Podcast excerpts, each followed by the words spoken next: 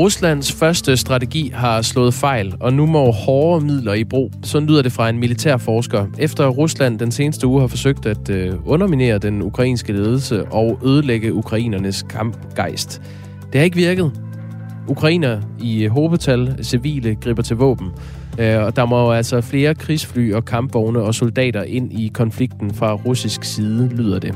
Det er en historie, du kan blive klogere på altså næste fase af krigen øh, klokken kvart i otte. Og vi skal lige øh, tilbage til, da Putin begyndte invasionen af Ukraine. Der sagde han nemlig sådan her. И для этого мы будем стремиться к демилитаризации и денацификации Украины.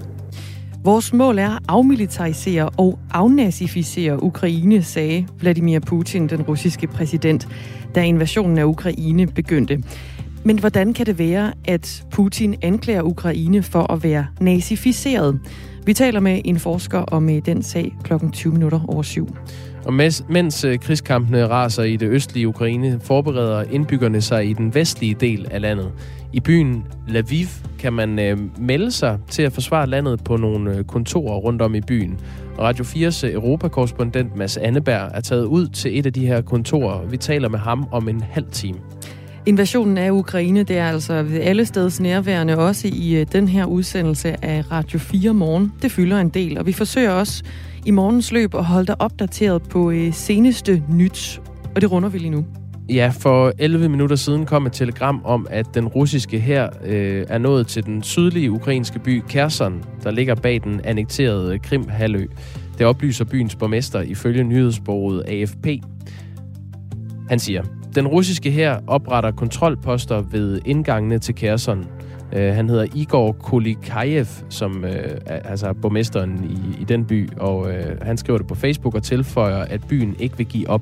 Kherson har altid været og vil forblive ukrainsk, siger han. Der bor knap øh, 300.000 mennesker i byen, og ifølge netmediet Kiev Independent oplyser en journalist på ukrainsk tv, at byen næsten er totalt omringet af russiske tropper.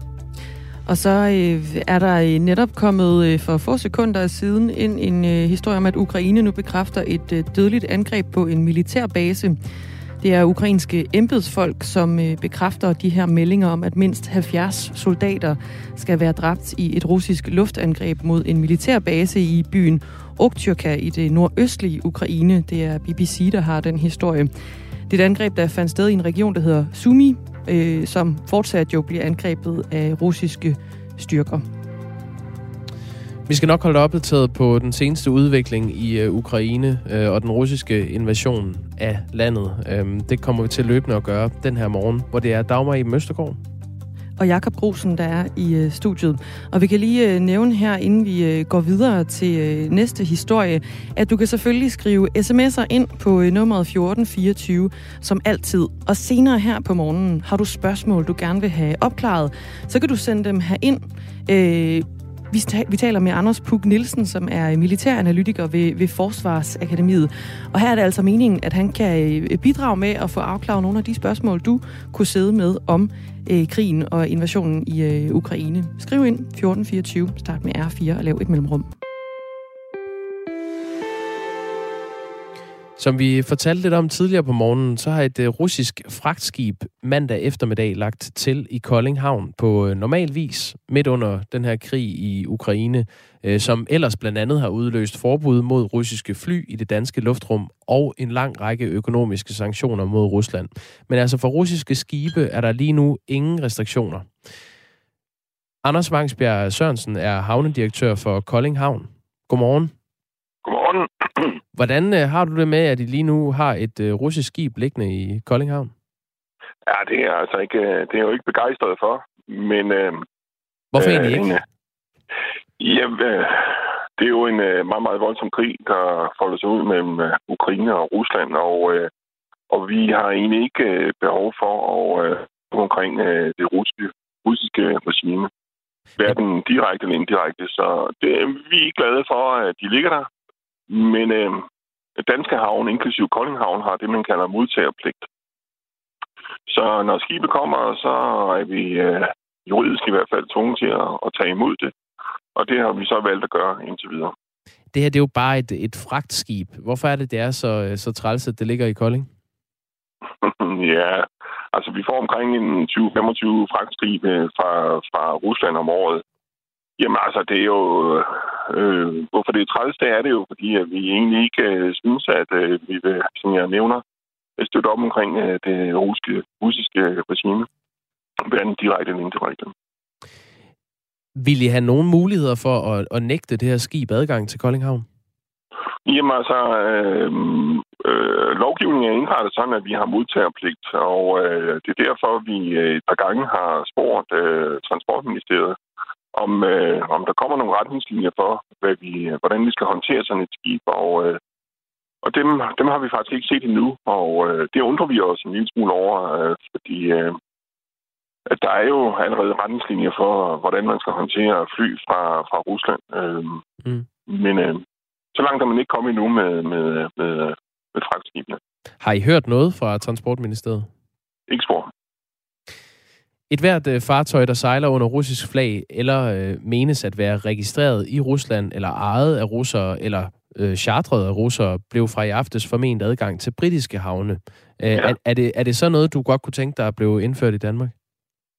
Ja, som udgangspunkt, øh, i hvert fald har vi behov for at høre helt præcist, øh, hvordan øh, vi skal håndtere det, og jeg synes, at det britiske tiltag, det, det lyder ganske fornuftigt.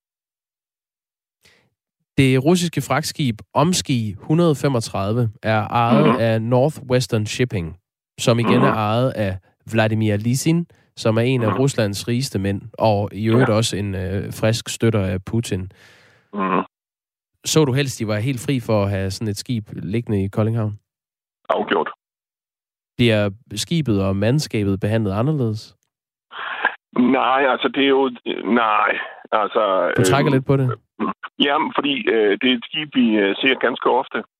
Øhm, og øh, vi kender besætningen, og der må jeg så sige, at besætningen er nogle øh, fornuftige mennesker, øh, og opfører sig pænt, og øh, for i gang, jeg var ombord på skibet, der var faktisk også ukrainer iblandt. Det er jo sådan øh, lidt interessant i den her situation. Mm.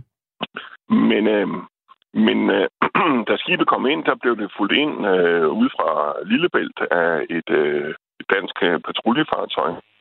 Øh, og øh, da skibet så kom til kaj, øh, så var øh, stod politiet klar og gennemgik øh, dokumenterne, altså besætningens og kaptajnens øh, dokumenter, øh, ganske, ganske nøje, sådan som jeg lige kunne vurdere det. Og det, er, det er i hvert fald usædvanligt i forhold til, hvordan øh, at det ellers foregår. Er der russiske flag på det her skib? Ja, ja. De, de har ikke øh, bøj i nakken. Alright. Anders øh, Vangsbjerg Sørensen, du efterlyser altså, at der kommer nogle retningslinjer fra øh, Transportministeriet. Jeg kan da sige, at vi arbejder på enten at få øh, transportminister Trine Bremsen eller alternativt øh, ordføreren fra Socialdemokratiet på området i, øh, i tale her til morgen for at høre, hvad, hvad er planen på det her område. Du skal have tak for, at du er med her i Radio 4 morgen. Selv tak. Ha' en god dag. Tak, i lige måde. Anders Vangsbjerg Sørensen, som er havnedirektør for øh, Koldinghavn. Gennem fem år har en hacker spredt skræk og skam hos mere end 64 kvinder og delt deres private og intime billeder på nettet. Man bliver jo sygt ramt af det. I hackeren i blandt stykker Radio 4 ned i den usædvanligt grove hackersag. Det er jo ekstremt ondskabsfuldt. Med store konsekvenser for offerne. Og jeg kan jo dårligt nok kigge frem i øjnene, fordi jeg er sikker på, at han har set mig nøgen. Lyt til Hackeren i blandt som podcast og på torsdag kl. 13. Radio 4 taler med Danmark. 14 minutter over syv er klokken. Og i satellitbilleder fra øh, det private amerikanske selskab Maxar, de viser angiveligt en russisk militærkolonne, der altså strækker sig over 64 kilometer, og den har kurs mod Ukraines hovedstad Kiev. I går der øh, oplyste Maxa, at militærkolonnen her, den strakte sig over 27 km, men den har altså vist sig at være dobbelt så lang nu. Ja, det var skræmmende nok i sig selv. Øh, flere steder øh, holder de her øh, kampvogne og hvad der ellers er i, i militærkolonnen ved siden af hinanden. Øh, men alligevel tænkte man, at den var 27 km lang. Nu viser det sig så, at den er hvor lang? 64 km. Og i går, der var der også rapporter om, at den var bare 5 km. Den vokser og vokser. Ja, øh, de her militære køretøjer er parkeret lige øst for lufthavnen Antonov, som ligger nordvest for øh, Kiev, øh, lyder det. Og lufthavnen ligger så igen 28 km fra Kiev, og har tidligere været genstand for, øh, for hårde kampe mellem både ukrainske og russiske tropper. Ja, Max har oplyser, at øh, nogle køretøjer er anbragt med stor afstand langs dele af ruten, og som du også siger, så er der andre, der altså holder to eller tre øh, side om side i den her øh, kolonne. Selskabet melder også, at satellitbillederne de har, øh, de har taget øh, viser yderligere indsættelse af styrker i det sydlige Hvide Rusland, altså tæt på den ukrainske grænse set fra øh, hviderussisk side.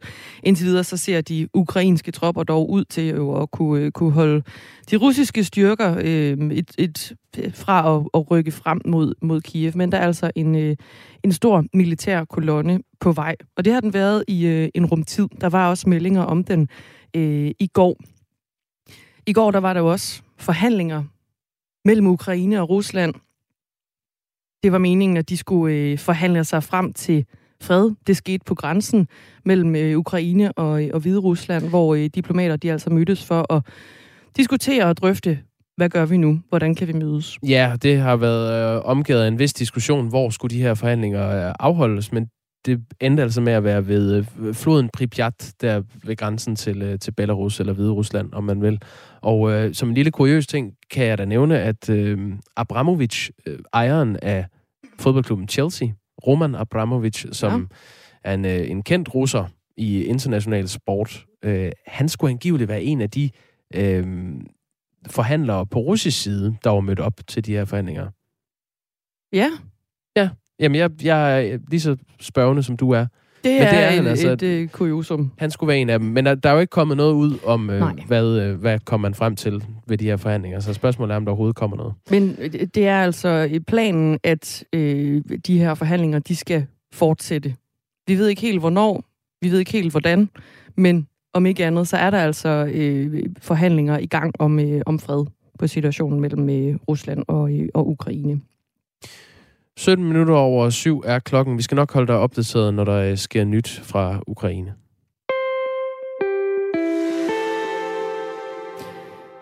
Da Vladimir Putin indledte invasionen i Ukraine, så begrundede han det blandt andet med øh, den nazisme, som findes i landet. И для этого мы будем стремиться к демилитаризации и денацификации Украины. Vores mål er at afmilitarisere og afnazificere Ukraine, siger han, og at straffe de mennesker, der har begået adskillige forbrydelser mod civile, herunder russiske borgere. Men hvorfor siger eh, Vladimir Putin, at Ukraine er nazistisk? Det kan Valentina Shapovalova, undskyld mig, hjælpe os med at eh, svare på. Du er eh, Ph.D.-stipendiat ved Københavns Universitet. Godmorgen. Ja, godmorgen. Det er, det er Shapovalova. Shapovalova. Tak for det. Du, var, øh, du forsker jo blandt andet i, øh, i russisk øh, propaganda. Hvorfor anklager Vladimir Putin Ukraine for at være øh, nazificeret? Øhm, der er noget, man skal forstå, fordi du sagde, at, øh, at han øh, anklager, at, eller siger, at der er stor nazisme i landet. Han siger ikke bare, at der er stor tilslutning til nazisme i landet. Han øh, siger, at regeringen i Ukraine er nazistisk. At de har begået øh, folkedrab og forfølgelse af russere siden øh, 2014. Øh, øh, og det her, det er et narrativ, som vi har hørt fra Putins side af øh, siden 2014, så i de sidste otte år, øh, siden han annekterede øh, Krim, og siden han, øh, han har kørt også krigen i Donbass. Og øh, det her narrativ øh, hænger sammen med blandt andet to ting. Øh, den ene er at øh, referere tilbage til øh, det historiske, referere tilbage til 2. verdenskrig og øh, prøve at fremstille Rusland som stadigvæk den her meget store stat, som bekæmper nazismen. Fordi Putin har spillet rigtig meget på øh, Øh, det historiske, og på at prøve at frembringe øh, Sovjetunionens storhed, øh, og sammenligne Ruslands storhed med den. Øhm, og det er, det er derfor, han øh, bruger nazisme-narrativet. Øh, det er en ting, det historiske. Den anden ting er, at øh, han forsøger at fremstille regeringen i Ukraine som, øh, som barbarisk, som øh, ikke demokratisk, som en øh, marionetregering, der er blevet indsat af Vesten, øh, til at, øh, til at true ham. Øh, så han har fremstillet Ukraine som, som en trussel for sig, for sig selv, for sit folk, øh, sammen med NATO. Og så er nazisme-narrativet bare meget effektivt. Mm. Valentina Shapovalova, vi øh, ringer dig lige op. Vi har simpelthen en lille smule knas med, med forbindelsen øh, til dig, så vi giver dig lidt kald på en, øh, en telefon i stedet for, men vi kan jo øh, lige runde lidt fakta på, øh, på historien. Ja, der findes flere nynazistiske eller øh, højere ekstremistiske militante grupperinger i Ukraine, der kæmper øh, med militæret, altså i, på Ukrains side mod russerne. Man kan blandt andet se billeder af nogle af dem på sociale medier, øh, hvor øh, hvad der ligner ukrainske militærfolk har flag med nazistiske symboler på. Den mest berygtede nynazistiske militante gruppering er, er noget, der hedder Azov-bataljonen. Og øh, det er så en øh, bataljon, som blev dannet tilbage i øh, foråret 2014, da Rusland invaderede og annekterede Krim-halvøen i øh, det sydøstlige Ukraine. I slutningen af 2014 indvillede Azov-bataljonen i at blive en del af det, der hedder Nationalgarden, som ligger under Indrigsministeriet i øh, Ukraine. Og nu kan vi igen sige uh, velkommen til Valentina Shapovalova. Er du med igen Hej. her? Ph.D.-stipendiat. Tak, fordi vi lige måtte uh, ringe dig op på en, uh, en telefon. Du er altså Ph.D.-stipendiat ved Københavns Universitet og forsker i, uh, i russisk propaganda. Og vi taler om det her med, at Vladimir Putin bruger uh, termet, at han vil afnazificere uh, Ukraine uh, i forbindelse med den her invasion, der er begået altså i torsdags. Det du siger, det er blandt andet, at det handler om et historisk perspektiv, det her med øh, øh Sovjetunionen versus nazismen helt tilbage ved, ved 2. verdenskrig, og så har vi også øh, det her med, øh, at regeringen er øh, vestligt, en vestlig marionetdukke, fik du, øh, fik du i tale sat, øh, inden vi, øh, vi blev nødt til lige at, at ringe dig op på, på en telefon. Men nynazismen og højere ekstremisme, hvordan er den egentlig repræsenteret i Ukraine? Den eksisterer. Det må man jo erkende. Det gør den jo også i øh, mange andre øh, europæiske lande. Øhm, den øh, er primært repræsenteret øh, af Azov, som jeg lige kort kunne høre, at I også nævnt, mm. som er en militaristisk gruppe, øh, rigtig nok sagt øh, en del af Ukraines nationalgarde.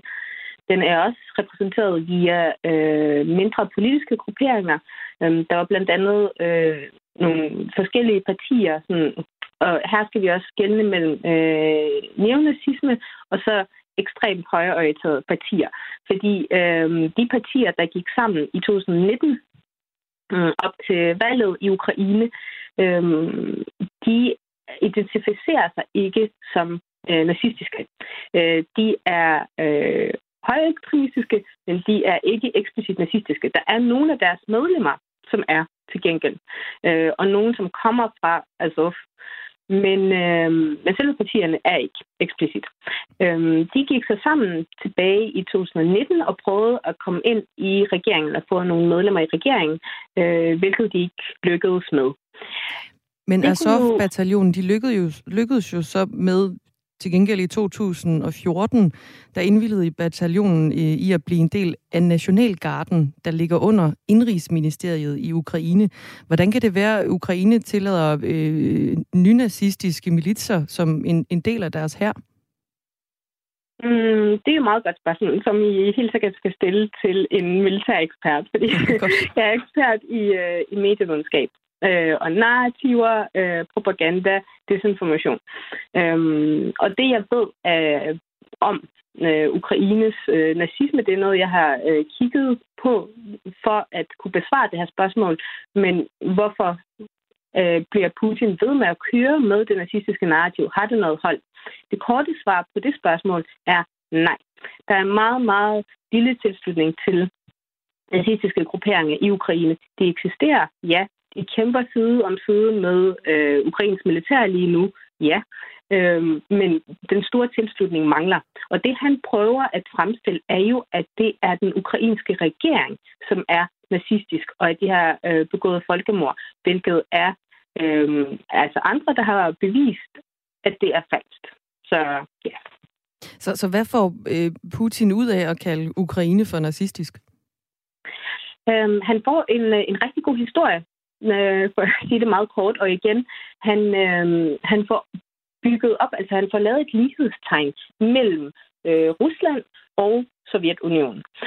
Og en anden ting er, at øh, det gør ondt på Ukraine at, øh, at blive kaldt nazistisk, fordi de led øh, meget store tab under 2. verdenskrig. Det er primært på øh, ukrainsk og øh, hviderussisk jord, der blev øh, kæmpet kampe. Øh, i Sovjetunionen, så øh, det, øh, det gør jo ondt at, at blive kaldt nazistisk, og øh, er også, ja, det giver ikke så meget mening, hvis man kigger på det rationelt. Men øh, rent narrativt set, så, så gør det. Og jeg kan se, og det her det er rent øh, anekdotisk, det er ikke noget, jeg har lavet en storslået analyse på, øh, men hvad jeg kan se på øh, de russiske sociale medier, blandt andet Kontaktia, øh, og på Facebook, øh, russere, som støtter Putin, øh, de bruger de her ord øh, om ukrainerne øh, som nazister. Øh, et andet ord, de bruger, er banderatse, hvilket refererer til øh, højreorienterede grupperinger, som stammer fra øh, 1920'erne, som en øh, udbrudsgruppe. Øh, ja, det er en lidt længere historie. Lad os øh, komme tilbage til nazister.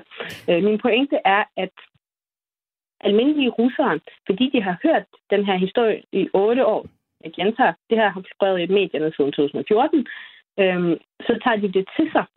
Og så øh, prøver de også at fremstille ukrainerne som mm, ja, nogle øh, barbarer, der, der går... Øh, eller det går folkemord mod det ukra- eller russiske folk og undertrykker det.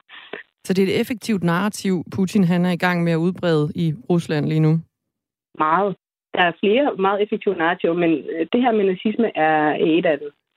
Det besvarer jo lidt en sms, der lige er kommet ind fra Daniel, som skriver, hvordan kan Putin kæmpe mod et fiktivt folkemord? Ved russerne ikke selv, hvad Putin gjorde i Tjetjenien? Ydermere er der også udbredt nazisme i Rusland. Meget endda. Selv deres stolte Wagner-gruppe, som er legesoldater, hvor lederen er ven med Putin og sympatiserer med nazisme, skriver Daniel. Det er en super god pointe. Og også en anden ting, der ikke sådan helt stemmer overens, er jo, at øh, Zelensky har, øh, er jødisk øh, afstamning, Øhm, og har også tidligere været ude at sige, at det er, at det er latterligt, at, øh, at regeringen med ham som overhoved bliver kaldt for, for nazistisk. Øhm, så og jo, der er også selvfølgelig nazistiske grupperinger i, øh, i Rusland. Øh, men det, man skal forstå med propaganda, er jo, at det ikke altid giver mening. Øh, men når man gentager den, den samme ting rigtig mange gange øh, i rigtig mange medier. Øh, og når ens regeringsoverhoved gentager den samme ting igen og igen og igen i rigtig mange år, øh, så begynder nogen jo at tro på det. Hvordan kan man gøre op med den russiske propaganda, som Putin han lige nu ligger for dagen i, øh, ja, i hjemlandet? Det er der rigtig, rigtig mange forsøg på. Øh, er det, hvis jeg kan komme med noget helt konkret. Øh, Anonymous, hvis I kender dem. Øh, det er hackergruppen. Øh, hacker, lige præcis. Mm. Øh, de er gået over på øh, Ukraines side, så de har prøvet at hacke forskellige øh, medier i Rusland, og blandt andet Ruslands øh, tv-stationer. Øh, og det, man skal forstå med øh, tv i Rusland, er, at alle tv-stationer, der bliver broadcastet, er statskontrolleret og har været brugt som propagandamaskiner, siden Putin kom til magten, da han indså, øh, altså første gang i 2000, da han indså, at øh, medierne helt overordnet, men TV'et helt specifikt er et meget effektivt propagandaværktøj. Mm. Så Anonymous øh, går ind og hacker sig ind på øh, russisk tv øh, og begynder at sende billeder af, øh, hvad der sker i Ukraine, altså sådan, mm. kalde det for en krig og, og vise øh, den ødelæggelse, der, der foregår øh, indimellem øh, udsendelser. Øh, og man kan sige, okay, hvor effektivt er det? Det, det skal være meget kort her til sidst. Vi har 30 ja. sekunder til nyhederne. det er svært at bekæmpe propaganda, men der bliver gjort rigtig meget forsøg på at, øh, at gøre det lige nu. Tak, Valentina Shapovalova. Selv tak. For at hjælpe os med at øh, svare på, hvad det egentlig er, der foregår, når øh, Putin han bruger ord som øh, afnazificering om øh, Ukraine og den her invasion, han har indledt. Valentina Shapovalova, hun er Ph.D.-stipendiat ved Københavns Universitet og forsker altså i russisk propaganda.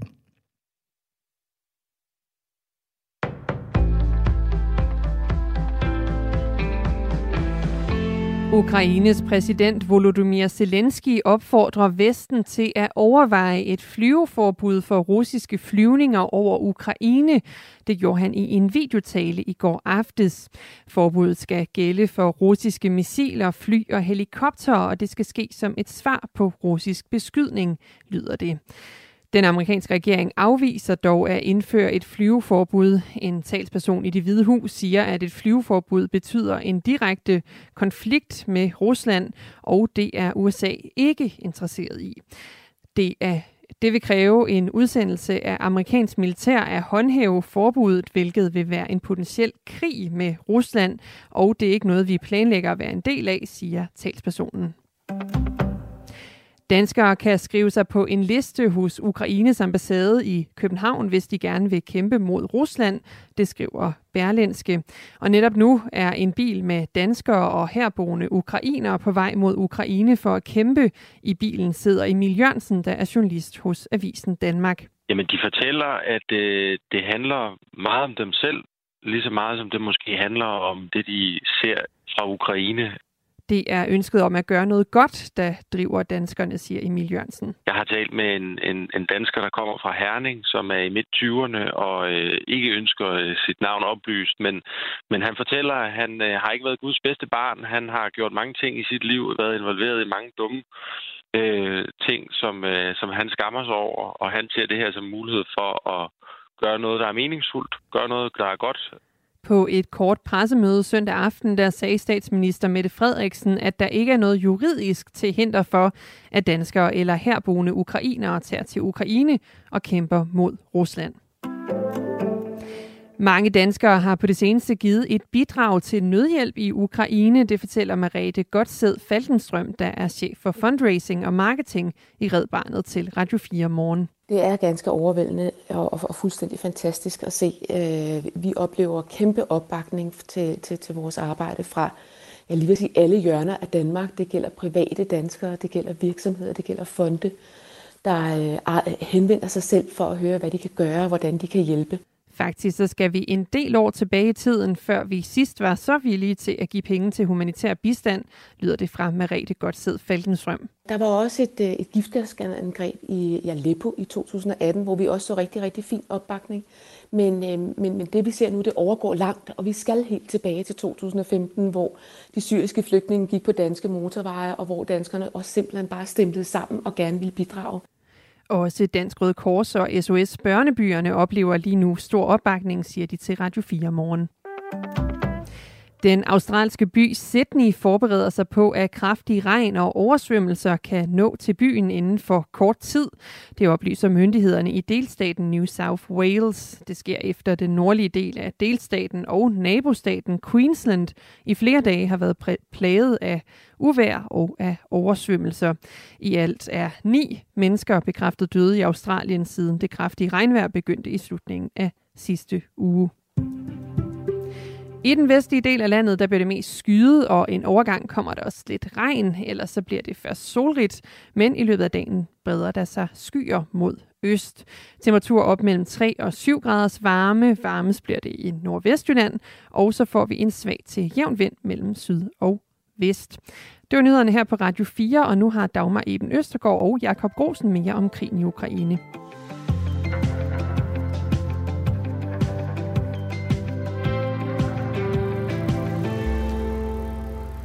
I Koldinghavn ligger et skib med russisk flag. Det er et russisk fragtskib, og øh, det lagde til kaj i øh, går eftermiddag, og øh, det er man ikke øh, super tilfreds med i, øh, i Koldinghavn. Havnedirektøren Anders Vangsbjerg Sørensen var med lidt tidligere på morgenen her i programmet, hvor han øh, brokkede sig noget over, at, at man ikke har fået nogle retningslinjer fra myndighederne. Han mente, det var fra Transportministeriet, øh, om hvad man skal gøre, fordi det er jo en situation, hvor øh, der her i Danmark er forbud mod russiske fly i dansk luftrum, og en lang række økonomiske sanktioner mod Rusland, og vi har også sendt våben afsted øh, til ukrainerne, som kan hjælpe dem i kampen.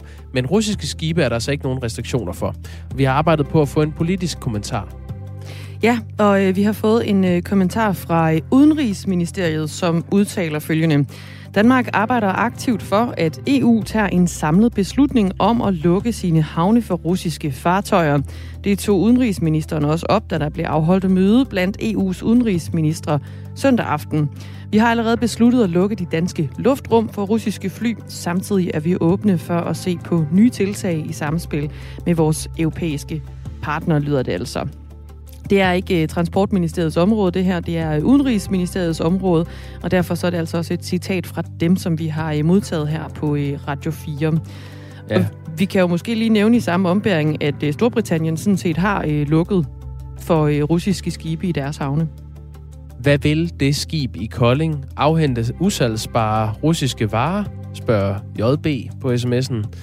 Og øh, der var også en besked fra Lars fra Sønderborg, som skriver, at man kunne vel forestille sig, at havnearbejderne nægter at losse skibet, ligesom man tidligere så, når der for eksempel var skibe med varer fra Sydafrika. Med venlig hilsen, Lars. Lige pt. er der i hvert fald ikke øh, noget, de kan gøre fra øh, Kolding Havns side. Så øh, havnedirektøren, han øh, ja, venter fortsat på øh, retningslinjer ovenfra. Øh, vi følger nyhedsstrømmen, mens det ruller ind fra øh, Ukraine. Øh, noget af det seneste nye, der er kommet, det er meldinger om, at øh, det er fra journalister, som, øh, som med, melder om angreb på et barselshospital nær Kiev. Øh, en frygtelig øh, begivenhed. Altså et barselshospital uden for Ukraines hovedstad, som angiveligt er blevet ramt af russisk artilleri. Det er hospitalets direktør, der er gået på Facebook med den nyhed, ifølge netmediet Kiev Independent. Så man skal tage det med, med de forbehold, at det er altså ikke bekræftet fra anden side. Men mediet skriver, at hospitalet ligger i landsbyen øh, Busova, langs hovedvejen Sytomyr, som går ind til Kiev i, øh, i Ukraine.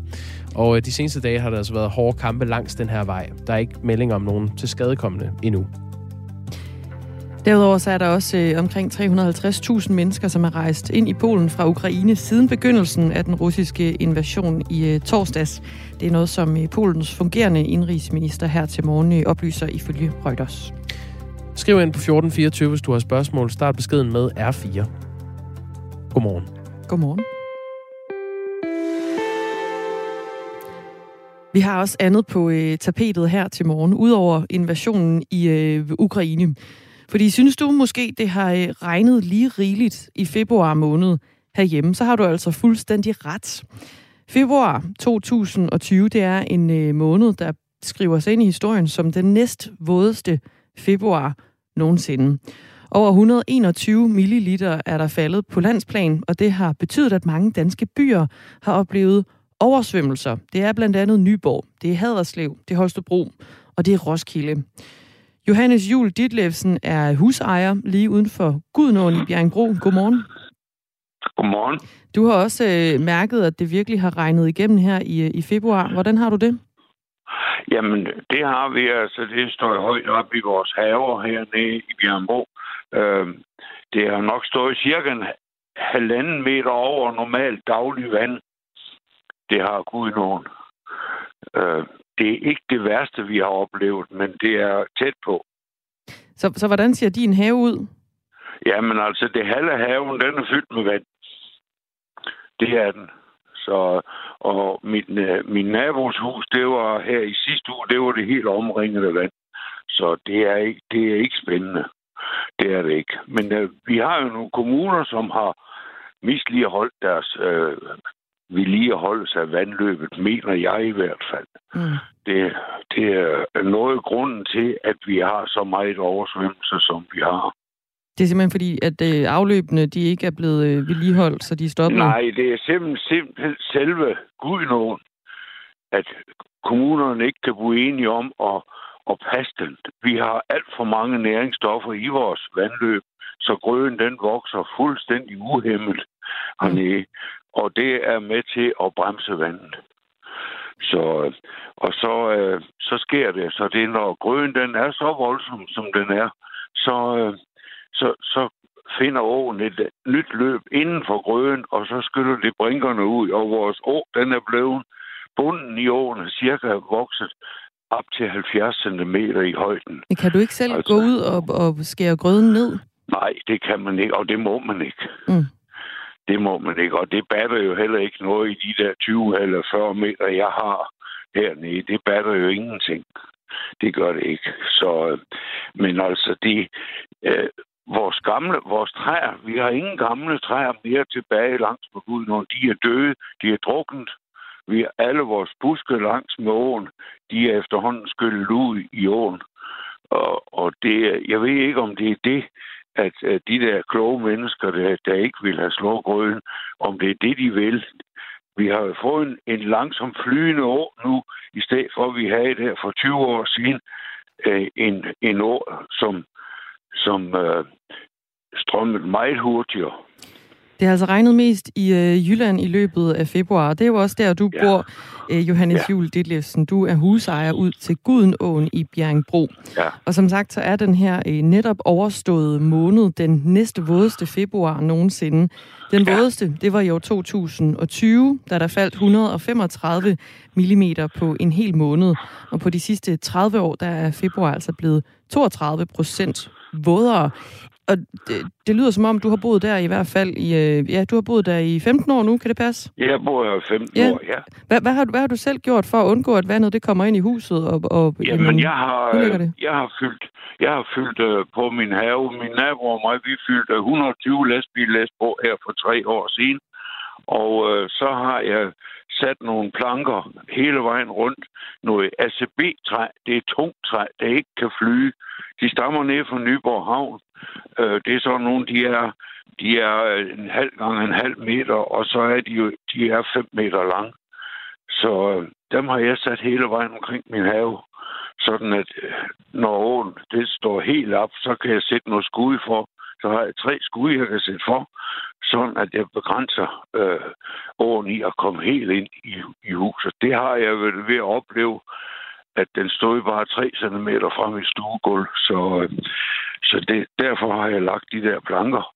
Og så har jeg lavet en ekstra pumpebrønd, så alt vand, der kommer her på mit tag og på mine terrasser og min dræn under neden, det går over i pumpebrunden og hvor pumper direkte ud i, i mølbækken ved siden af. Jeg har to problemer her. Jeg har jo også mølbækken på den ene side, og jeg har Gud på den anden side. Mm. Så jeg har... Du er omringet? Jeg er omringet af vand, ja, det er jeg. Frygter du med, med de her store nedbørsmængder, at det kan blive svært at sælge dit hus? Det kan godt blive svært, ja, det kan det. Så kan det. Og så, øh, så har vi jo lige nøjagtigt nu her i år fået fyldt på sportspladsen over for os her. Sådan, øh, og det er lige modsat af, hvad de kloge mennesker de siger. Man, man siger jo, de kloge de siger, at man skal grave af øh, naboengene til åen, sådan at vand det kan brede sig ud. Nu har kommunen fyldt op i stedet for. Så, så naboen og mig, vi har fået masser af mere vand, end mm. vi plejer. Johannes Jul Ditlevsen, tak for din tid. Ja, det er i orden. Husejer lige ud til øh, Gudenåen i øh, Bjerringbro, og det er altså ovenpå en øh, ja, historisk våd februar måned, hvor det har regnet over 121 mm. Henrik Juhl spørger på sms'en, hvordan vi kan vide, at det er den februar måned, hvor det har regnet mest nogensinde, fordi ham bekendt har man ikke målt nedbør i mere end uh, små 200 år.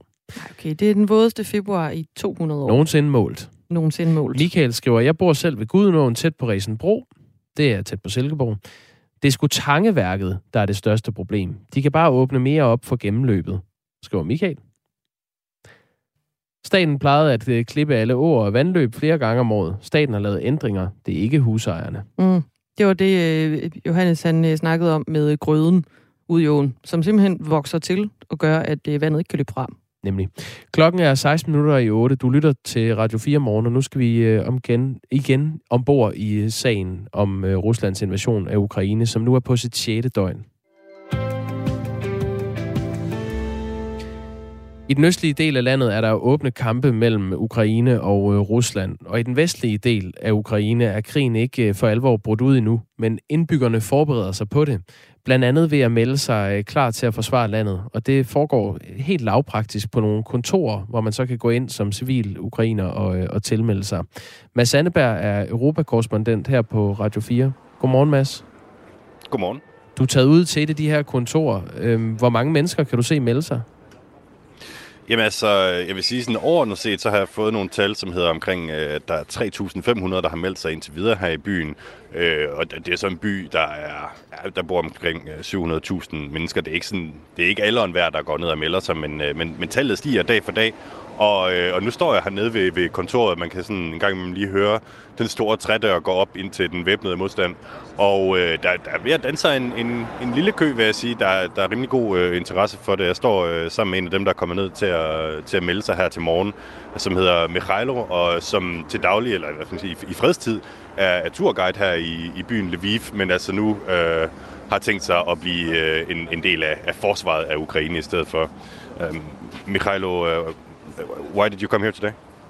Uh, because I want to be in the resistance uh, for protecting our lands and our families against the uh, enemy uh, from the east, from Russia. Uh, what was it you called them before? Orcs in Mordor. yes, now uh, Sauron it's Putin and Saruman it's Lukashenko. and we are the Gondor, and now Kiev is a Minas Tirith. okay, and we were talking about you being a Gandalf before as well. uh, I d- don't know about the Gandalf, but uh, maybe we are the eldest archers. Ja, øhm, vi står altså hernede på, på, på hjørnet øh, med, med Mikhailo, som, øh, som siger, at han, har, øh, han er kommet herned, fordi han vil forsvare sit land, og, øh, og han, han er ude i sådan en, en rimelig øh, udtænkt øh, Ringens Herre-metafor, hvor, øh, hvor at, øh, vi, vi, vi, vi står i Mordor, og, og Putin han er, han er Sauron. Ja, og hvor russerne er, er orker. Det er noget ja. af en, en konstruktion, han, han er ude i der. Men Sandeberg, det lyder som om, han har ret højt humør. Øh, hvordan, hvordan, kan du spørge ham, hvordan han kan være sådan, så lattermild i den her situation? Uh, could I ask you, uh, you know, how is there a place for, for joking in a situation of uh, war? Of course, yes, because uh, joke and uh, fun and smiling it's a cure uh, for the many people. Uh, because uh, if we not smile with not laugh, uh, and if they not laugh against the, our enemy, may, many people go to the crazy. And of course, it's no, no, no. And yes, we laugh. it's absolutely normal. Humor in all wars was with people, uh, normal people who uh, protect their lands, and uh, humor um, assist us. Ja, han siger altså, at de, de er nødt til at have humor hernede, for ellers så går de jo fuldstændig øh, bananas. Øh, øh, ukrainerne, og det er også det, jeg oplever sådan på, på gaden hernede, øh, er jo altså, er gode til at, at sådan grine lidt af situationen, og øh, også sådan holde, holde humøret højt, fordi de, det kan ikke være død og ødelæggelse det hele, så, så, så bliver man skør. Der er jo ikke øh, åbne kampe i Lviv endnu, altså i Vestukraine. Hvad, hvad får de, som melder sig til kamp, ellers tiden til at gå med? Jamen altså, dem der melder sig til kamp, de skal selvfølgelig forberedes. Der er mange af dem, der ikke har holdt en øh, pistol i hånden før i deres liv. Og øh, som du selv siger, jamen, altså, Lviv er endnu ikke under angreb, og det betyder også, at mange af dem, der har meldt sig selv for lang tid siden, er ikke blevet kontaktet endnu. Nogle af dem øh, hjælper med at patruljere rundt omkring i byen. Man er bange for russiske sabotører lige i øjeblikket, øh, russiske sådan, spioner, der render rundt i gadebilledet. Og øh, så er der sådan et hold af de mest kamperfarne, som er begyndt at træne til at blive sendt andre steder hen i, i landet, for eksempel Kiev, hvor de jo altså lige nu har langt mere brug for, øh, for folk. Uh, Mikhailo, can I ask, have you ever had any combat experience? Do you know anything about defending yourself or a country? Uh, I was on the Maidan. Ja, han var på Majdanpladsen for otte år siden, da, da de øh, kæmpede, altså da der var den her revolution for, øh, for, for hvad skal man sige... Øh, for... no, no fear. Absolutely no fear.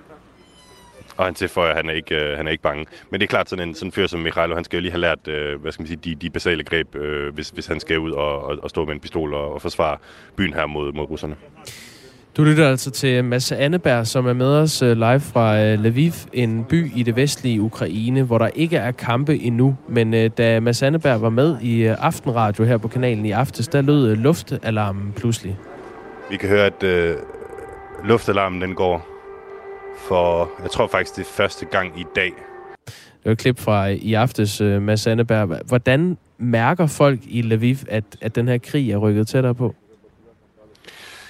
Øhm, jamen, det, det gør de jo øh, primært faktisk, fordi at øh, der kommer rigtig, rigtig mange flygtninge hertil. Øh, enten for at være i sikkerhed, sådan nogenlunde sikkerhed her, eller for at komme helt i sikkerhed i, i for eksempel Polen eller andre EU-lande, der ligger øh, der grænser op til, til Ukraine. Så det er sådan den, den helt store øh, ting. Så er der selvfølgelig de her luftalarmer, som jo, som jo går nogle, nogle gange om dagen sådan i gennemsnit, øh, fordi russerne sender fly på vingerne eller sender missiler afsted et eller andet sted hen, ikke? og man går sådan lidt med, med livrem og, og seler. Og så vil jeg sige, at folk er, folk er på stikkerne. Altså folk, øh, nu nævnte jeg før, at man holder øje med russiske sabotører.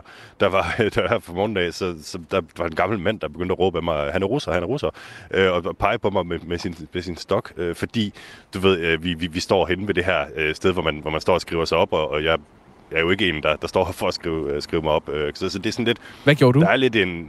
Ja, du ved, folk, folk stod lidt og grinede af det. Det er jo ikke sådan, at det, det var ikke at sådan, at folk troede, jeg var russer, men det, ah, okay. det, det havde han bare lige fået ind i, fået ind i sit hoved. Så uh, jeg, jeg, jeg det så bare meget urussisk ud, og, og så, gik det, så gik det helt fint. Men, øh, men ja, men det er jo, altså, det er jo en speciel situation med den her by, fordi det er kun landets 6. største, øh, Lviv, som, som jeg står i, men den har en kæmpe stor sådan, symbolsk betydning, øh, som sådan en, altså, det, det er en meget vestlig, øh, centraleuropæisk øh, udseende by, og, og for folk her, der er det sådan lidt, altså det, det, det er lidt den sidste bastion. Øh, altså hvis, hvis, hvis Lviv ender med at falde til sidst, så, så er det fordi hele Ukraine er, er faldet. Mads Anneberg, lige her til sidst. Øh, vi havde tidligere på morgenen en journalist ved Avisen Danmark, Emil Jørgensen, med fra en øh, bil, der var nået til Polen. Den var kørt fra øh, det midtjyske med en øh, gruppe ukrainske statsborgere, og så to danske statsborgere, som havde besluttet sig for at tage til Ukraine for at kæmpe på Ukrains side mod russerne. Og de var øh, helt overbevist om, at den her krig kan vindes, altså for Ukraine. Øh, hvad er det for et indtryk, du får, når du taler med de lokale i Lviv? Tror de, de kan bekæmpe russerne? Absolut. Der er, der er meget, meget stor optimisme, og, og jo, jo flere dage der går, jo større bliver optimismen, hvor man kan se, at russerne gør begrænset fremskridt. Og nu er det jo ikke fordi, hverken mig eller, eller folk på gaden her er militæranalytikere, der, det kan der være alle mulige årsager til. Men jeg vil bare sige, at øh, altså, jo, jo, jo, jo mere tid der går, jo mere man ser, at ukrainerne kan faktisk godt forsvare sig selv, og Vesten kommer og hjælper, jamen altså, jo, jo, jo større bliver optimismen. Jeg kan lige prøve at høre og sende den videre til, til Michailo her. Um, are you optimistic that you can win this war? Of course, yes. Uh, you see, uh, Putin maybe uh, think about the flowers from our people for his army, because he think uh, about the many people in Ukraine await for protection. It's a sarcasm, of course, against the Nazis in Ukraine. It's sarcasm too, of course, but he not await all people in Ukraine against him because it's a, it's a total war for protect our land. And of course, this maniac lose. We're very thankful uh, for the assistance from the Europe and all normal world. We resist, invaders must die. Ja, Invaders Must Die, siger Michailo her, altså som sådan en lille sign-off-replik. And now playing Prodigy. og, så, og så vil han gerne have, at de sætter noget Prodigy på det her metalband. okay. øh, det kan I jo lige overveje. Ja, den, den sender vi lige det? videre til, til P6 Beat. Ja, øh. men, øh, men nej, men, altså, men, men som sagt, det, det han siger her, det er jo, det, det er jo sådan en, en, en ting, som man, øh, som man hører meget i Ukraine her, ikke? at uh, Putin tror, han, øh, han, kommer, øh, han sender tropper ind for at befri ukrainerne, og at folk vil stå med blomster og, og tage imod ham og sige, tusind tak Putin, fordi du kom her og, og befriede os fra, fra det onde ukrainske styre, men i virkeligheden, så det der møder ham, det er jo en, en stor, stor, stor folkelig øh, modstand, og, og, og det er det, der får ham til at tro, mm. Michailo, at det kan han simpelthen ikke vinde. Tak fordi du var med, med Sandeberg. Selv tak. Vores europakorrespondent her på Radio 4 med live fra den vestlige øh, ukrainske by Lviv. Ruslands invasion af Ukraine går rent militært ind i en ny fase meget snart. Og det bliver med tunge skyts, mener Christian Søby Christensen. Godmorgen. Godmorgen. Seniorforsker ved Center for Militære Studier på Københavns Universitet.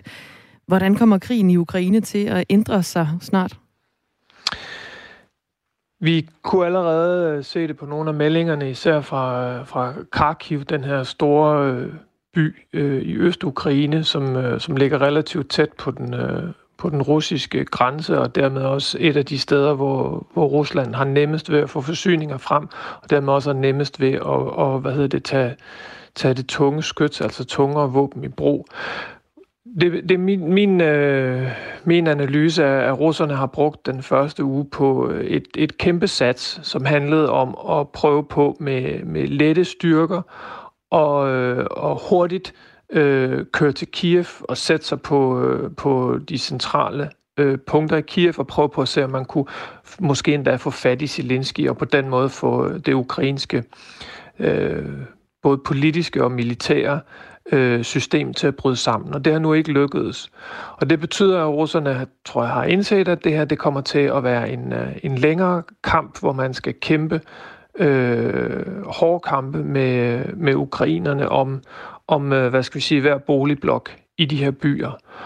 Og, øh, og det betyder, at russerne har indtil nu også været holdt tilbage, både i forhold til, til luftangreb og med, øh, med kort og langt rækkende missiler, såvel som artilleri. Og nu tror jeg, at handskerne bliver taget af fra russisk side, og jeg tror, vi kan forvente øh, markant voldsommere øh, kampe og markant voldsommere billeder af ukrainske bebyggede områder, der bliver, der bliver skudt i smadre. Så det bliver øh, flere soldater, flere kampvogne, flere kampfly. Er det det, vi skal forvente? Ja, i, øh, i koncentreret omkring de her øh, store byer i første omgang. Øh, selvfølgelig øh, Kiev, for det er stadigvæk øh, juvelen i kronen. Ikke? Det er, er, er centret for, for den ukrainske modstand. Det er der, den ukrainske politiske ledelse efter sine er, og det er der, det, der, det man kalder kommando og kontrol øh, strukturen er, altså den russiske generalstab og det russiske, eller undskyld, det ukrainske generalstab og den, og den ukrainske, det ukrainske forsvarsministerium, altså de, de centrale øh, stabe, som styrer den, øh, den, det ukrainske forsvar, de befinder sig øh, i vidt omfang i, i Kiev. Så det, så det er det, kampene kommer til at handle om. Og, og hvad hedder det? selvom de billeder og de historier, vi har, har hørt fra Ukraine den, den sidste uge, de, de kan godt øh, se voldsomt ud, så er det øh, altså stadigvæk øh, med håndbremsen trukket, øh, at russerne har, har angrebet nu. Og, og nu bliver der også, for, også netop for at og, hvad hedder det, minimere øh, de civile tab. Ikke? Det, det er klart, at hvis, hvis ens... Øh, propagandabaggrund for at starte den her krig, det er at befri et broderfolk fra et nazistisk regime, så dur det ikke, hvis man øh, ødelægger øh, byerne og ødelægger infrastruktur. Vi kan, en anden ting, vi kan, man kan måske begynde at kigge på, det er om, om de russiske bombardementer, i stedet for at være forsøg på i hvert fald præcisionsbombardementer, som rammer ukrainske øh, militærinstallationer og, og ukrainske militære styrker, også i stigende grad vil begynde at ramme det, man kan kalde øh, altså civil infrastruktur også. Øh, og nu siger du også det med, at, at, at man går i højere grad ind i, i byerne. Nu vi, vi ser jo øh, satellitbilleder de her dage af en konvoj, der er på vej til, til Kiev øh, fra, fra russisk side. Hvordan ændrer en krig sig, når den rykker ind i, i byerne? Ja, man kan sige, at altså, den, den har jo, hvad skal man sige, rykket ind i byen, men det har været sådan øh, med, med lette styrker og sådan lidt, lidt, lidt forsøg på at, at køre udenom øh, om hinanden. Nu bliver det mere øh, tunge kampe, forsøg på at, og hvad sådan noget, at, at tage byen. Og alle militære øh, ledere øh, prøver så vidt muligt på at undgå bykamp.